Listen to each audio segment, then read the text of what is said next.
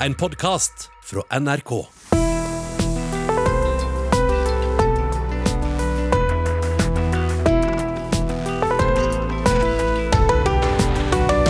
Mens familier teller opp kohorten, karantenehoteller blir fylt opp av folk som ikke får komme hjem til jul, studentene sendt i isolasjon og julefreden senker seg, er det én ting som er sikkert. Uansett hvor du er denne jula, jeg har skaffa svært godt følge til deg. Hver dag skal du få være sammen med de som jeg har hatt aller mest lyst til å henge med i denne underlige høytida. Fordi de kan noe jeg bare kan drømme om, har historier å dele, eller rett og slett fordi det er veldig godt selskap. Mitt navn er Hilde Sandvik, som i dag har invitert pianist og verdensstjerne Leif Ove Ansnes til å være sammen med meg den neste timen. Og tusen takk for du sa eh, ja, og velkommen Leif Ove. Du verden, tusen takk. Pleier du egentlig å være hjemme på denne tida av året? Uh, innimellom, ja. Men jeg pleier å være mye på farten. Ja. Uh, jeg gjør det, sånn ca. halve året er jeg på reise. Ja, og hvordan har da 2020 vært for deg? Det har vært kjemperart. Ja. Um, jeg var, akkurat når det stengte ned i mars, så var jeg um, akkurat påbegynt en soloturné. Jeg begynte spektakulært på Svalbard, hadde fantastiske dager. og så uh, den dagen jeg reiste til Gøteborg og skulle spille neste konsert, så begynte det å se alvorlig ut og mot nedstenging. Men jeg spilte neste dag i Gøteborg for ja, de, de hadde solgt 700 billetter, og 300 kom, og det var en veldig spesiell følelse av at dette får vi ikke gjort på lenge.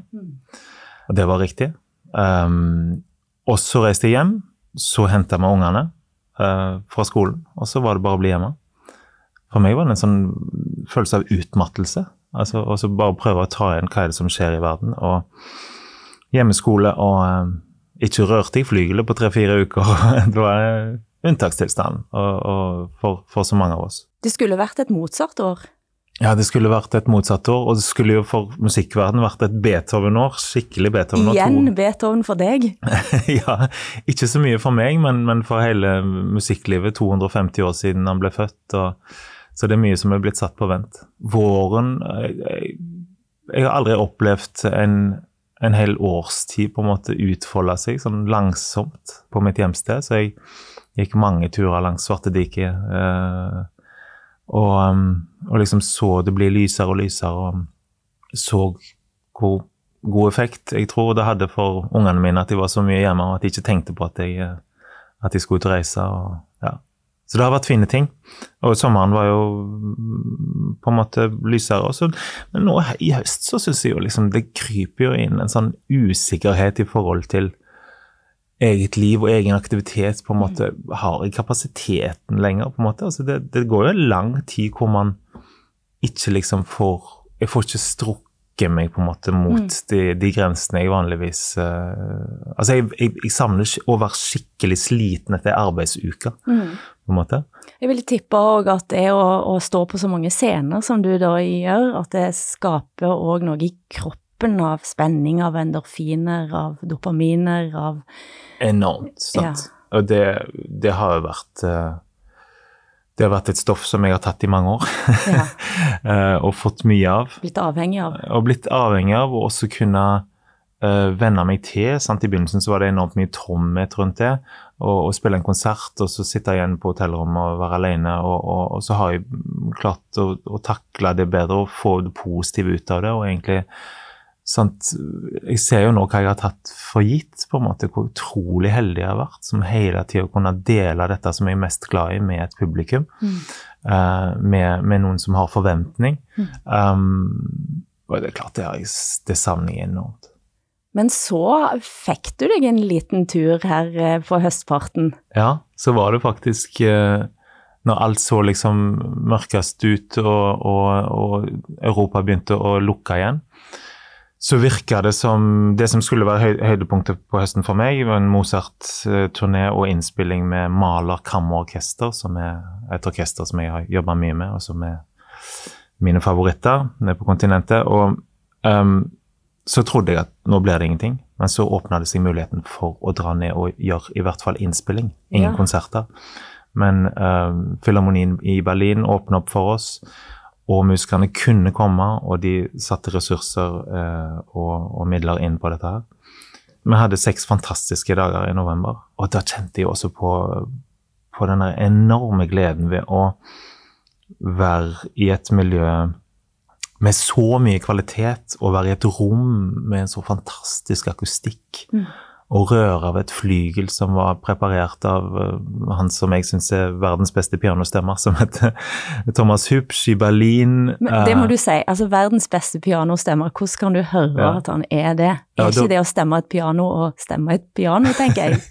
ja, det er det mange som tror, men, men ja, Og jeg burde si klavertekniker, eller pianotekniker, ikke bare stemmer, fordi disse flyglene er jo som Formel 1-biler. altså De bør ses over. De skal ses over foran hver konsert. Og ikke bare stemme flygelet, men se inn, se inn, på mekanikken og justere absolutt alt. Og, og, mange av disse har sine egne triks. sant? Du kan ta en liten dråpe med sånn og sånn stoff, så blir det lettere å spille. og, og altså, det, det, er veldig mye. Og når det gjelder på det nivået som, som Thomas jobber, så er det så føler jeg at det er noe helt artistisk. Altså, jeg kan høre når han har stemt flygelet. Jeg kan høre at det svinger, at det lever på en helt spesiell måte. Og dere snakker godt sammen? Ja, men vi trenger ofte ikke snakke. Altså, det er det som er så fint. Det, han vet litt hva jeg er på jakt etter. Mm. Han bare intuitivt har enorm intuisjon. Og bare sånn glede å komme inn og så sette fingrene i, i, det, i det flygelet. Også med disse musikerne rundt meg som jeg har så stor respekt for og, og elsker å jobbe sammen med. Og de har du spilt med flere ganger? Ja, vi hadde et stort prosjekt uh, mellom 2012 og 2015 som heter The Beethoven Journey. Og eh, med 80 konserter og tre innspillinger, og gjorde veldig mye sammen. Og så nå hadde jeg gleda meg å komme tilbake til, til, dette nye prosjektet som handler om Mozart, som heter Mozart Momentum. Mm. Nå fikk vi endelig begynt, etter to, eh, to kansellerte prosjekt tidligere. Og dette med å sitte fysisk i rommet, som du kanskje har tatt for gitt, eh, hva gjorde det med deg? Altså, vibrasjonene til musikken som, som, jeg, som jeg, har tenkt mye på. For jeg, jeg sitter jo på øvingsrommet mitt og, og, og spiller, men det, for det første det å få spille sammen med andre, men også oppleve i en sal en god akustikk. Altså, hva er en akustikk? Musikken er jo lydvibrasjoner. Og hvor vibrerer de hen? Jo, hørselen vår, eh, som vi har utvikla på forskjellig vis. Men også i kroppen. Altså, det setter seg i, i, i scenegulvet, i, i, føttene, i magen. Og det minner meg på at med dette orkesteret, Marley Chamber Orchestra, så, så var jeg med på et veldig spennende outreach-prosjekt um, ved det forrige eh, prosjektet, med Beethoven-prosjektet vårt, som heter Feel the Music, som jobber med døve eller hørselshemma barn. Og det høres jo litt ekstremt ut. altså Jobber ja. med musikk. For... Hører du eh, Ja. og jeg var, jeg var, veldig skeptisk til det når de presenterte dette for meg som en idé. Uh, utgangspunktet her var at Beethoven ble døv um, gradvis. Sant? Altså Fra han var ca. 20 år, så visste han at dette var et stort problem. og ble, Det ble tyngre og tyngre, og han ble nesten død på slutten av livet. Og så er det spørsmålet kan døve barn, kan hørselshemma barn få noe ut av musikken? Kan de få noe ut av hva vi holder på med? Det prosjektet fikk meg til å tenke, fordi, fordi det var helt klart at det kunne de. Altså, Jeg introduserte gjerne flygelet for dem de fikk gå under flygelet og kjenne på vibrasjonen, altså holde hånden opp mot klangbunnen under flygelet. Mens du spilte? Mens jeg spilte. Uh, det samme inni flygelet, de kjente på strengene. De fikk prøve fysisk hvordan det var å spille. altså De har jo aldri fått lov til sånt. altså Ingen tenker på musikk og døve barn. Uh, så det var, det, alt dette var jo helt nytt for dem.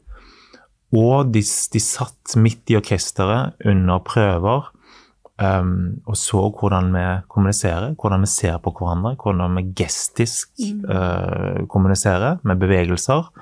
Det syntes de var veldig fascinerende, og de kjente helt klart masse vibrasjoner i gulvet, i scenegulvet. Um, og de fikk lov til å dirigere. Ah. de fikk lov til å, å, å, stå foran orkester, og så prøvde jeg å vise. Vi hadde jo um, døvetolk. Hvis du gir en sånn bevegelse til orkesteret, så vil de reagere på en måte, så vil du få en reaksjon. sant? Og så prøvde de seg, og det var veldig spennende å se. Ja. Men ikke minst, når vi var ferdig med disse dagene, så spilte vi gjerne en normal konsert uh, for publikum om kvelden, og da var det flere av disse barna som hadde lyst på billett, og sitte i en sal og i gåsetegn høre på en to timers konsert. Og Det syns jeg var så fascinerende. Hva er det de opplever, hva er det de får ut av dette? Da jeg hører dette, så kommer jeg til å tenke på Jan Kjærstad sin roman 'Forføreren' fra 1993. Mm. Eh, Fordi det, det er et bilde som satte seg helt fast i meg da jeg leste den som eh, noen og 20-åring, og faktisk en av de få bøkene jeg har anmeldt i mitt liv. Eh, Et, et minne Jeg, jeg syns jeg husker at Jonas Wergeland, som er selve forføreren, Stemmer. at han lå inne i et orgel. Eh, og jeg ringte til Jan Kjærstad Wow. for å spørre om har dette skjedd i Forføreren, er, stemmer det, husker jeg rett? Og han sa jo, det var sånn det var, og så ba jeg han faktisk lese et eh, avsnitt ifra Forføreren. Hør her. Jonas hørte faren sette seg på krakken ved spillepulten og bla opp i notene. Så skjedde noe merkelig. Faren slo på orgelet, dvs. Si elektrisiteten som drev viften. Og Jonas hører, nei, han kjenner, hvordan omgivelsene blir fylt med luft, hvordan luften strømmer inn i kansellene. Det er som å sitte i naturen, i vinden, en varm vind. Jonas sitter og nyter dette suset og smellene fra registersjekkene, samtidig som han merker hvordan han allerede fryser mindre, og dessuten slapper av, som om det er et underlig samsvar mellom disse farens manipulasjoner med orgelet og hans eget nervesystem. Så begynner faren å spille. Johan Sebastian Bach. Håkon Hansen er aldri i tvil. Om noe skal hjelpe sønnen, må det være Johan Sebastian Bach. Og Jonas sitter inne i orgelhuset og synes det lyder fantastisk. Som å høre musikken innenfra seg selv. Han er i musikken. Han flyter på den. Kroppen hans blir en pipe, eller hver knokkel blir en pipe, og siden hver knokkel blir en pipe, og siden Bachs musikk mer enn noen annen musikk henger sammen, føyer ting sammen, merker Jonas hvordan farens spill samler ham sammen, samler den parterte kroppen hans, og på et punkt da Jonas kjenner, som en sitring fra isse til tær, hvordan kroppen er blitt hel igjen, og da musikken velter seg spesielt vakkert omkring ham, begynner han å gråte, helt stille. Jonas mente siden at orgelet hadde reddet ham, eller faren, eller Bach, alt ettersom han så det. Det er utrolig vakkert. eh, Det der er liksom nevrologisk, jeg tror det er noe veldig riktig der. Mm. Og dette at musikken og, og vibrasjonene øh, samler den på den måten, og gjør at den plutselig kan få, kan få noe ut, Mm. eh, i dette tilfellet. Dette er gutten her, han har da altså eh, nesten gitt opp livet. Han har mista sin beste venn, ei jente, Mm. eh, og har, eh, er veldig syk. Mm. Og dette blir på en måte det valget faren tar. Legger han inn i orgelets buk, som Jonas i Valens buk. Det er fantastisk. altså Orgel det er jo helt fantastisk. altså Hvordan et orgel kan fylle et kirkerom. Ja. altså Apropos vibrasjoner. Altså Mm. det, det, det, går, det går rett i magen.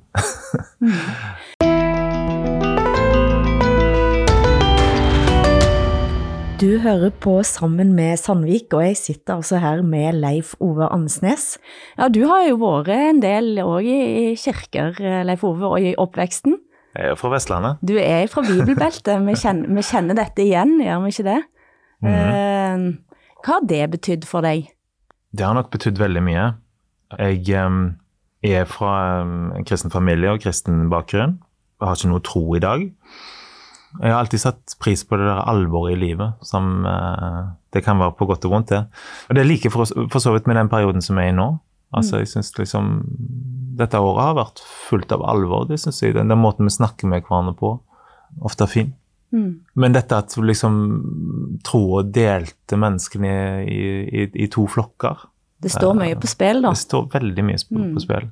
Men samtidig så mye som som jeg tar med meg av um, uh, sosial bevissthet og, og, og altså alt, alt, på en måte med å, å hjelpe de svake, og alt som uh, er utrolig fint fra min um, Utrolig mye kjærlighet um, fra den bakgrunnen som jeg har. Så jeg, jeg har ingen sånne det, det, er ikke noe svart i forhold til, til, den bakgrunnen. Men det var tøft det der med å dele, ja. dele flokken i to, og jeg skjønte jo ikke logikken veldig tidlig. Hva med de andre?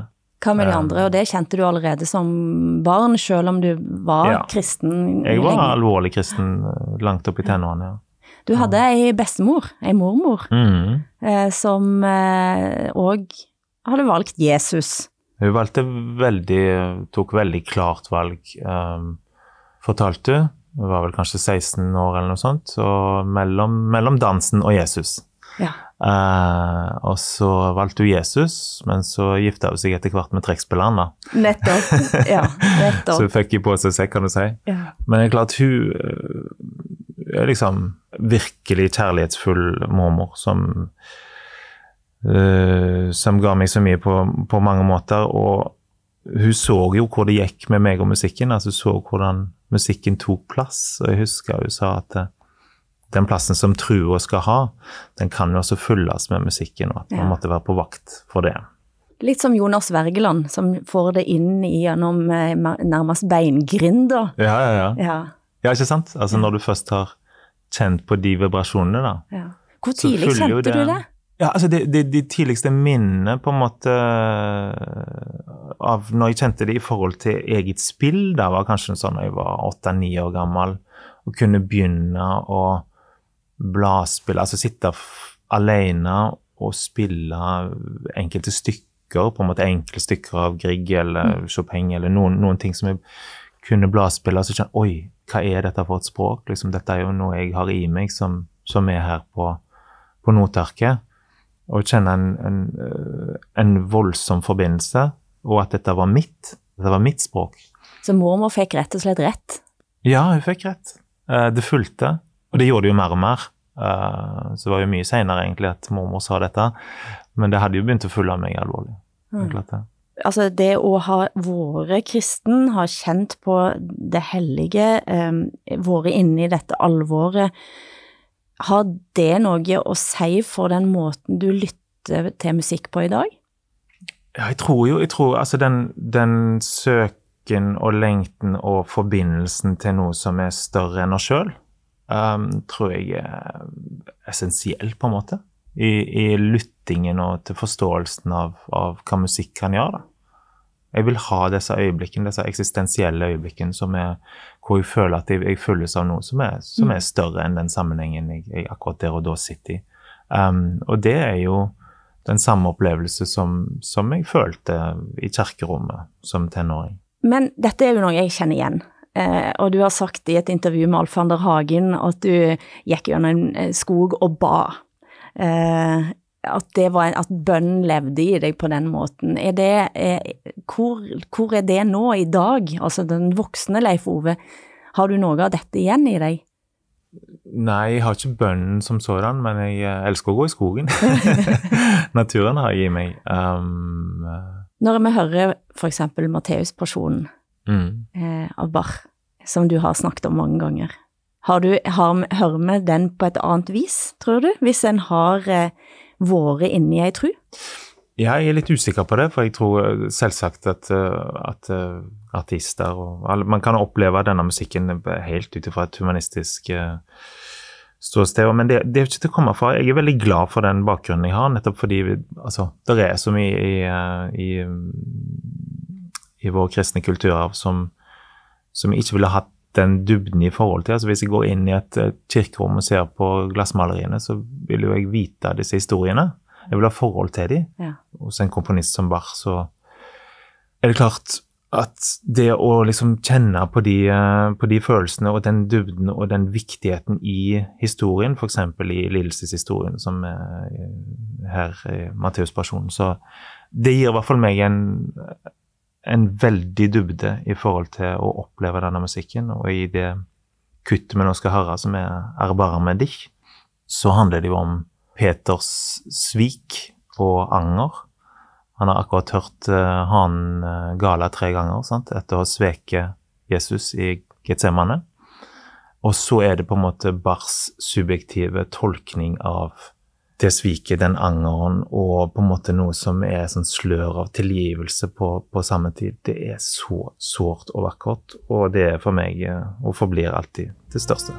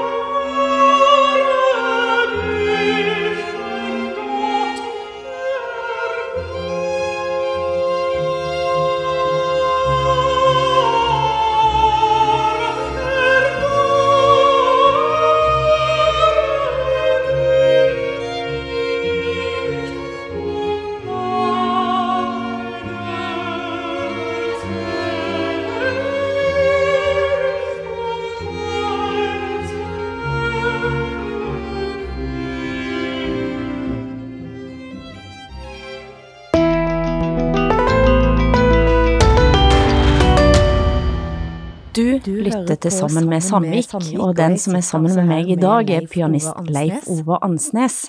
Og det vi hørte her, var altså Erbarm dich, eh, Bach, Matteus-personen.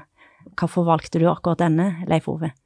Dette er noe det, for meg noe av det djupeste og største som er skrevet. Og så er det jo det som vi snakket om rett før, at um, det gir en veldig dybde å, å vite bakgrunnen her å skjønne og ha opplevd dypt de bibelske, den bibelske lidelsesfortellingen.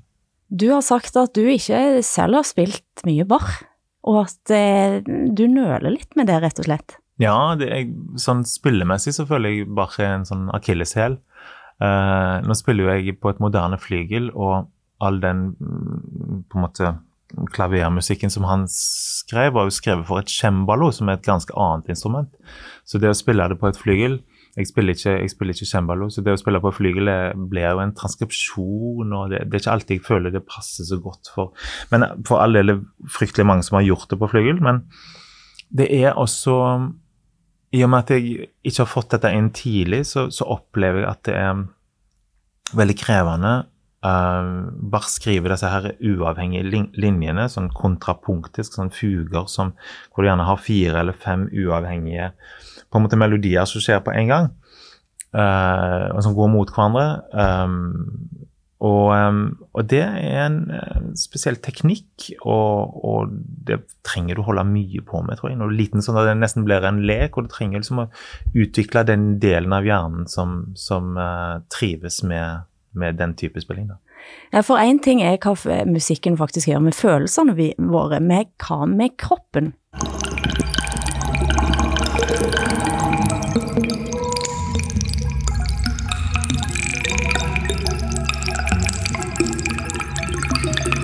Kjenner du det igjen? Er det leddgreiene? Er det det? Dette er altså lyden av dine ledd. det var jo musikk, jo. Ja, det er musikk lagt på, men, eh, men det er altså Jørgen Larsson sitt prosjekt Norske Ledd fra 2004. Stemmer. Eh, som, eh, og det, det jeg kan huske da jeg hørte dette på radioen, eh, var at eh, Jørgen Larsson sa at Leif Ove Ansnes sine ledd er helt lydløse. Men de var jo ikke det. Men det er mulig han har lagt på noe annet. Men da kan du høre, eh, kan du høre det som en kontrast til Drillo sine ledd. Aha.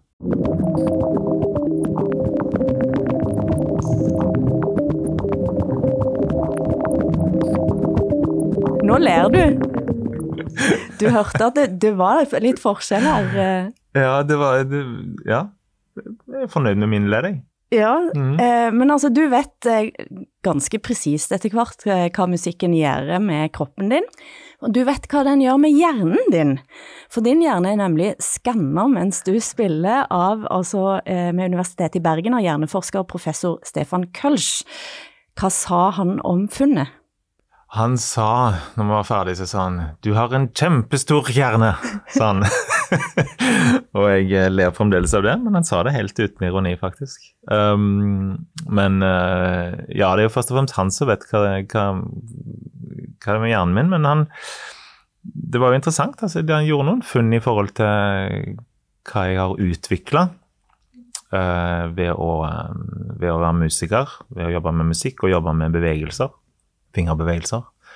Et interessant funn var at han, at han sa uh, um, Han kunne ikke se noe spesielt på uh, det stedet der man planlegger én og én bevegelse, men der man planlegger uh, mange bevegelser over, over, et lengre spenn, der så han veldig utvikling.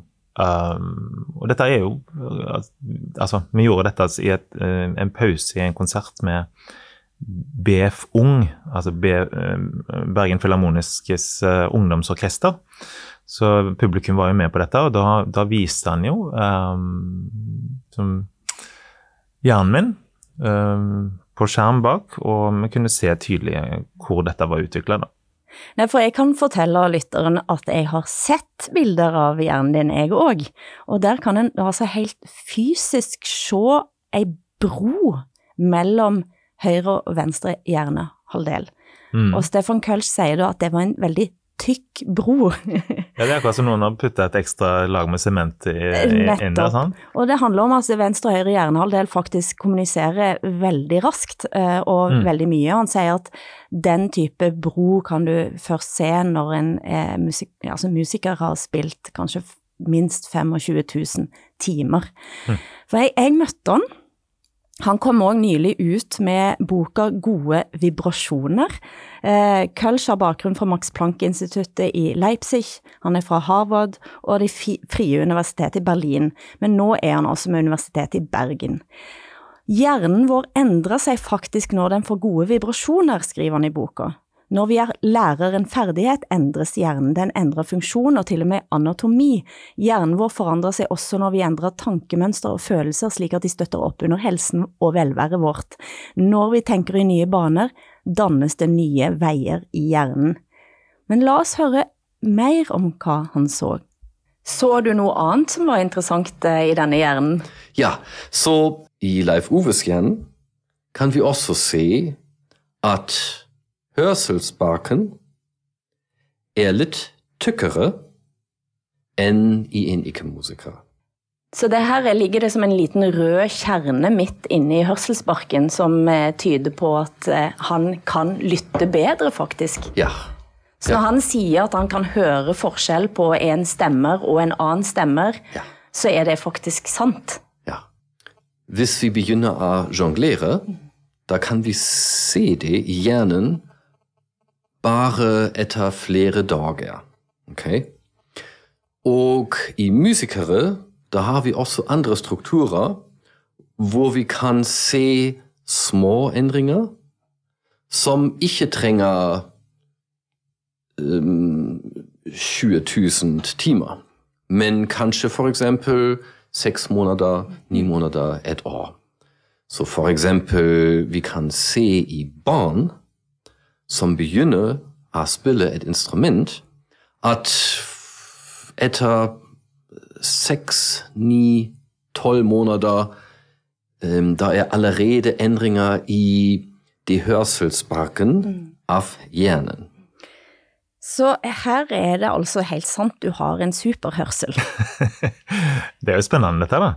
Ja, men altså, hva, hva betyr det? Altså, hva gjør du for å trene opp øret? Nei, det vet jeg ikke, altså. Men jeg driver jo med musikk hver dag, da. Og det er jo eh, lydvibrasjoner, så eh, Men jeg, jeg, jeg skulle gjerne visst hva det er på en måte som er spesielt utvikla, for jeg opplever jo at, eh, at til og med innenfor um, en, en, gruppe med musikere så vil det være så, spe, så spesialiserte ting som vi har utvikla. Og altså, hvis vi snakker om en pianostemmer, så vil jo det helt klart De kan jo høre liksom hertz, altså hvor, hvor, hvor, ligger tonen? Skal den litt opp eller litt ned? eller hva, mm. hvordan det sving, De hører svingninger. Mm. Jeg har ikke sjans til å høre det. Jeg hører kanskje bare om det er litt falskt eller litt rett. Du hører litt mer enn det om det er litt falskt. jo, altså jeg hører også når det er veldig falskt, men, men jeg, tenker, jeg tenker, at det, det, det, er veldig spennende. Hvis jeg sitter og lytter på uh, musikk med min samboer f.eks., som er hornist, mm. Og vi lytter til et orkester, så kan jeg synes at det låter veldig flott, og så kan hun si ja, men det er jo, det er jo hører du ikke at det, er falskt i blåserne, sant? For det er hennes jobb. Ja. Hun sitter i blåsegruppa og, og, vil med en gang være, være tuna inn på om, det, om akkordene passer, ja. eller sånn. Sånne ting hører ikke jeg. Men jeg hører jo uh, kanskje andre ting, da. Uh, så jeg syns den der spesialiseringen er, er, så spennende. Hva er det jeg har utvikla der? Jeg vet ikke om han kunne gi svar på det, men Nei, men la oss, la oss høre mer, hva han så. Mm. Så da var vi nå veldig interessert, men er Leif Oves jern kanskje også yngre enn his faktisk alder. Og ja, det er det. Hjernen hans er faktisk flere år yngre enn hans faktiske alder. Men det må bety at han er god til å håndtere stress? Ja. Det var akkurat hva jeg spurte ham om i konversasjonen i Bergen, Bergen Philharmoni.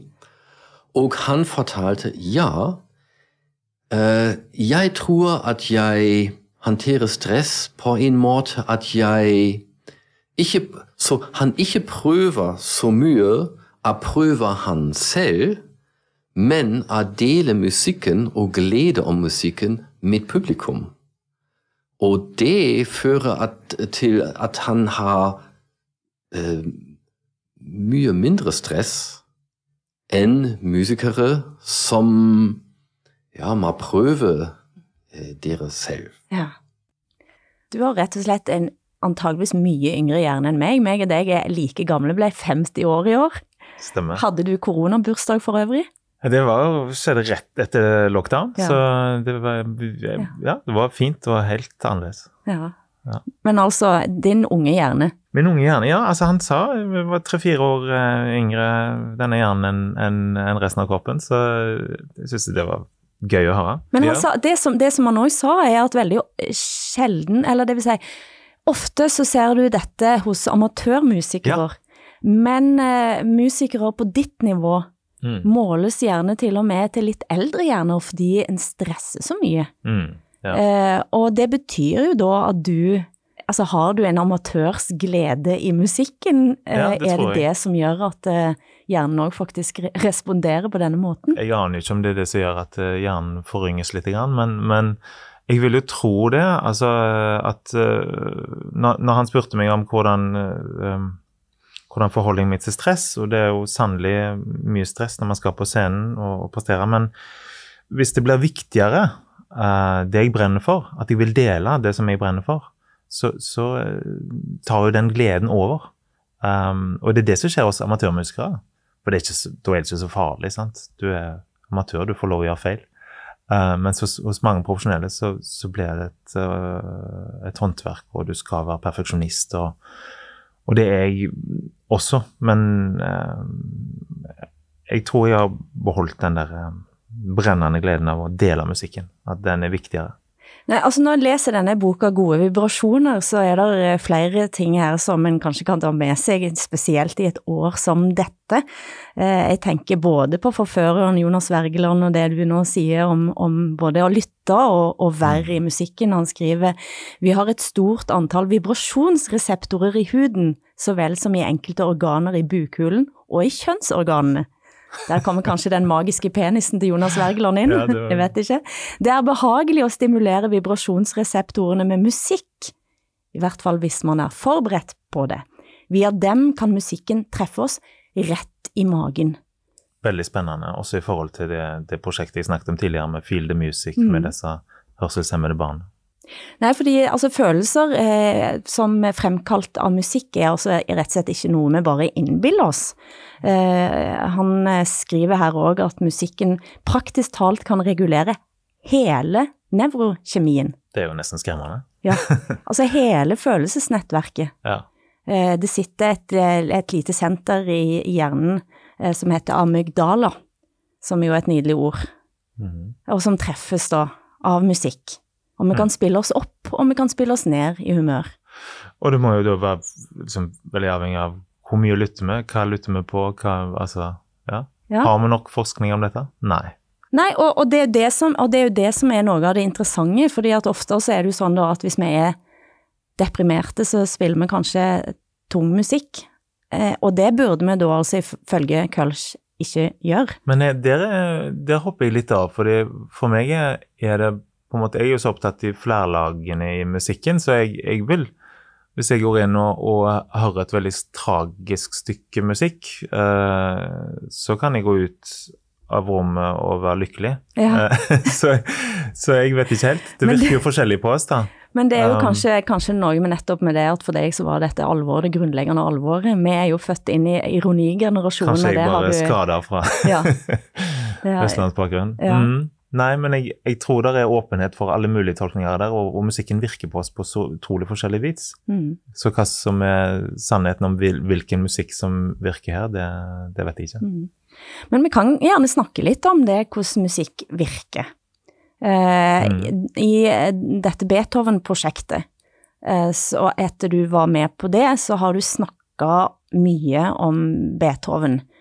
Eh, som du mener på en eller annen måte, og hvis jeg leste deg rett, er en slags motpol til en, en, en tid eh, der en enten har et, ja, hvis en har en, ironisk forhold til livet, eller eventuelt et veldig ja, maniert eller eh, påtatt eller eh, liksom, eh, så kler Beethoven det av. Ja, jeg syns det. Altså, det er, en, der er en rett på oppriktighet i Beethovens musikk som er helt unik. Det er liksom, der er ikke noe skråblikk, det er ikke noen uh, krokodilletårer. Det, det er lite teater. Kanskje det er derfor han var en dårlig operakomponist. Han skrev én flott opera, Fidelio, men, men han hadde liksom ikke helt taket på den formen. Men det, notene er så viktige, de er så ærlige, de er så oppriktige. Han, han tar tak i, i, i, um, i, i halsen på deg og, og, og sier 'lytt til meg, jeg har noe viktig å fortelle deg'. Og det, er, det gjør noe med deg når du jobber med den musikken som jeg gjorde over tre-fire år. Mm. Jeg kjente at jeg måtte gi uttrykk for enhver frase betydde noe. Mm. Så selv når Beethoven skriver um, pianissimo, altså at det skal være veldig svakt, og han kviskrer, så kviskrer han på en innstendig måte. Sant? Altså han, han, til og med det betyr noe. Han gjemmer seg aldri bak noe. Um, Men hva mener du med det helt sånn konkret? Altså sånn, hva betyr det i, i musikken? Ja, altså det, det betyr at jeg må i bunnen av tangenten, for å si det sånn. Altså jeg må Jeg kan ikke fisle. Eh, jeg må være helt klar i uttrykket mitt. Jeg må vite at en frasering går fram mot den tonen. Vi skal der til. sant? Det er det du føler i Beethovens musikk ofte, at det er en, det er en retning på ting. Det går gjennom en eller annen menneskelig form for kamp. Um, mot, alltid mot en eller annen konklusjon, et eller annet svar, en eller annen triumf. Og kanskje i de senere verkene så kommer ikke helt triumfen, men det kommer likevel kanskje en, en forløsning eller en fortrøstning. Um, men vi må gjennom menneskelige kamper hele tida. Um, og når du jobber med den musikken, så, så må du, du, du må bevisstgjøre deg hvordan gjør jeg dette klart for lytteren. Dette må være så, så, så tydelig hva Beethoven vil. Um, og eh, det gjør noe med sånn ærligheten, tror jeg, i, i forhold til uh, uh, eget spill og i forhold til kunsten. Du hører på Sammen med Sandvik, og jeg sitter altså her med Leif Ove Ansnes. Du har sagt at uh, den spilleteknikken din mye kommer også fra Jiri Linka, uh, som du gikk hos, du slutta rett og slett, du gikk rett fra ungdomsskolen og rett inn på konservatoriet, mm. og fikk en lærer, og at det også leder hen til de pianistene som du faktisk har lyttet mest til. Ja, og, og for meg var det jeg kom til Jiri når jeg var 15 år gammel, og jeg tror spesielt forløsende var det å, å treffe en personlighet som hadde et så lidenskapelig forhold til musikken, altså med et sydlandsk temperament, og uh, hvor musikken liksom var liv og død. Um, og betydde alt. Og, og, jeg kjente jo liksom når han fikk dette fram i meg, at det gjorde det jo også for meg. Um, men jeg hadde vært så lite omgitt av profesjonelle musikere, og i hvert fall ikke av den, denne type personlighet. Så for meg var det så forløsende å få oppleve at musikken kunne fortelle så store historier. Og at du kunne gjøre så, så mye kontraster um, med musikken. Og jeg kom inn og, og, spilte for han et eller annet, og så reiv og sleit han i musikken og fikk meg til å, å få åpna uttrykket på en helt ny måte. Og det første jeg, jeg, jeg ville når jeg gikk ut fra de timene, det var jo å gå på øvingsrommet og jobbe videre. Og så kom jeg til neste time, og så sa han noe helt annet. Ja. Fordi han reagerte intuitivt. Så den der intuitive eh, tilnærmingen til musikken, som er så viktig, uh, den, den, fikk jeg veldig inn uh, hos, fra Jiri. Og var det da òg du begynte å høre på Slav Richter? Uh, ja, Svatoslav Richter ja. var en, en, en, en helt. Jiri hadde spilt et par ganger for Richter. Um, og han var jo denne myteomspunne russiske pianisten som jeg, jeg fikk hørt han to-tre ganger på slutten av hans liv. Altså på, han døde i 1995? Ja. Og på begynnelsen av 90-tallet så hørte jeg han to ganger i England og en gang i Oslo. Men da hadde jeg bygd opp så store forventninger at de, de kunne aldri bli innfridd, tror jeg. Men jeg var med i sånn fanklubb eh, hvor vi fikk tilsendt sånne rare bulletenger. Mens andre holdt på med Metallica, så holdt du på med dette? Dette holdt jeg på med, og, og opptak fra um, Bucuresti fra en land som hadde sittet med um, kassettspiller på indrelommen sant, og, og mikrofon i, i hatten. Uh, og, og, dette satt vi og, og lytta på. Um, ja, veldig veldig rart og, og, fantastisk å ha den lidenskapen. Men han hadde jo, altså, hvis han har vært ditt forbilde, så har jo jeg sett lite av rosa humrer i plast på flygelet og, og det enorme temperamentet, da. Men, men, kanskje hvis han hadde sett en filmskaper på deg, så hadde du, så hadde du endt opp der, jeg vet ikke. ja. ja, kanskje det. Um, nei, jeg er nok en veldig forskjellig personlighet for, for Richter, og det måtte nok ta meg noen år å oppdage. Um, så i dag er jeg ikke så, um, så, nært, absolutt ikke så nært alt det som Richter gjorde. I dag er det, er det veldig mange andre som også inspirerer meg. Men det var veldig rart å ha et sånn idol. eller vel, Jeg var fryktelig lidenskapelig. Altså Fra jeg var 18 år og noen år framover, så var det Richter som uh, betydde noe for meg, og alt han spilte, var, var det sannhet i.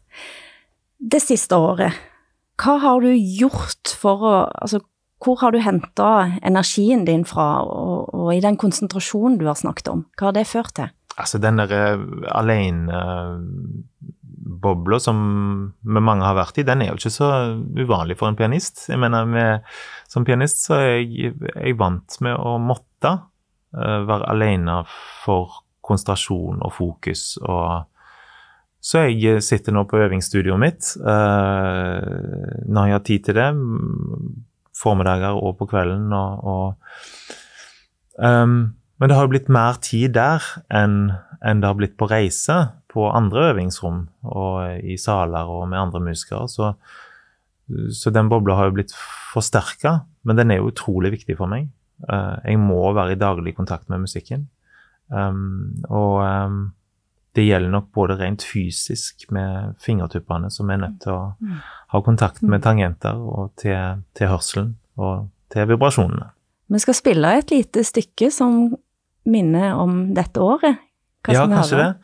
Altså, for det er jo mye musikk som på en måte er, er privat, som er for de små rom. Og vi glemmer det innenfor den klassiske tradisjonen, så er jo kanskje det meste musikk, altså historisk musikk, er jo ikke skrevet for, For de store konsertsalene er jo ikke tenkt på som offentlige uh, ytringer.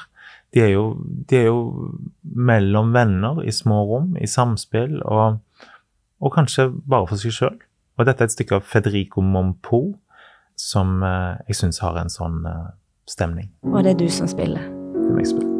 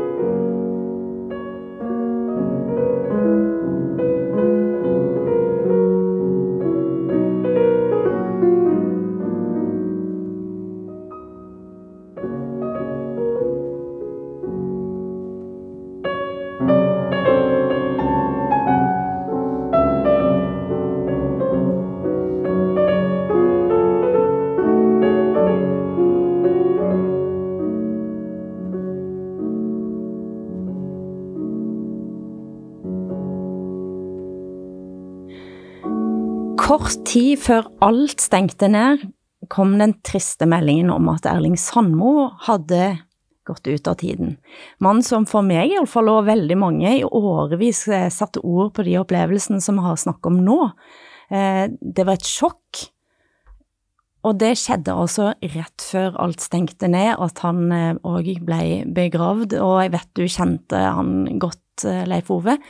Og du var i begravelsen, og du spilte òg.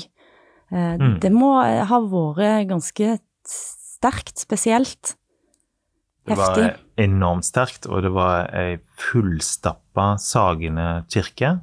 Um, og det var bare dager før uh, alt stengte ned. Det, så det er jo så surrealistisk å tenke på nå. Uh, det virker helt uh, Virker jo så fjernt. Og det virker jo fremdeles utrolig fjernt at han har forlatt oss. Han var en unik stemme. Han var jo en, en, en unik historiker. Mm. Dette vet jeg lite om, men det har jeg jo skjønt etter hvert. Og han tok det historiske med når han formidla musikk. Han hadde en stor lidenskap til musikk. Hadde ikke sjøl musikkutdannelse, så han kunne ikke gi uttrykk for det musikkteoretiske når han formidla, men han hadde dette historiske skråblikket og hadde en, en fantastisk sånn nærhet. Han var en utrolig radiostemme. Mm han fikk oss liksom med på laget, fikk deg til å føle at, eh, at du ble smartere. Um, og så var han også Så var det også sagmugg. Han leverte, liksom. Altså, det var sirkusartist igjen. Uh, så når han uh, Jeg ble jo mest kjent med han de siste årene fordi han Jeg brukte han jevnlig som foredragsholder ved Rosendal Kammermusikkfestival, hvor jeg er kunstnerisk leder. og og da, det var noen fantastiske forestillinger han hadde der med de foredragene sine. Um, og um, jeg tror vi skal høre et klipp her hvor du hører liksom mm. sirkusartisten i han.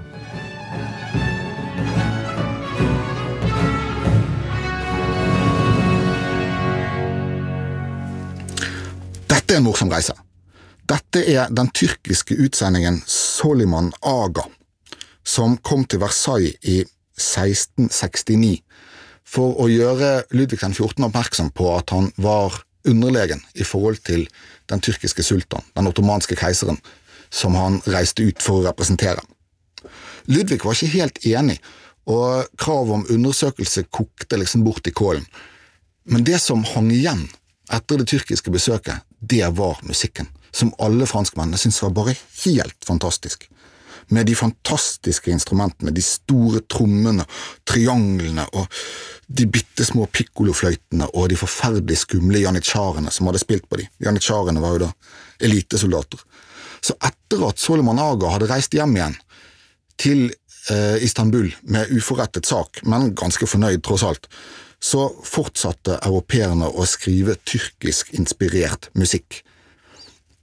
Den var kanskje ikke så veldig tyrkisk etter hvert heller, men den kunne brukes til å gjøre alt mer livlig og mer briljant, og minne de som hørte på om at verden var et magisk sted, full både av truende folk fra øst og festlige, fargerike fugler i trærne utenfor vinduet.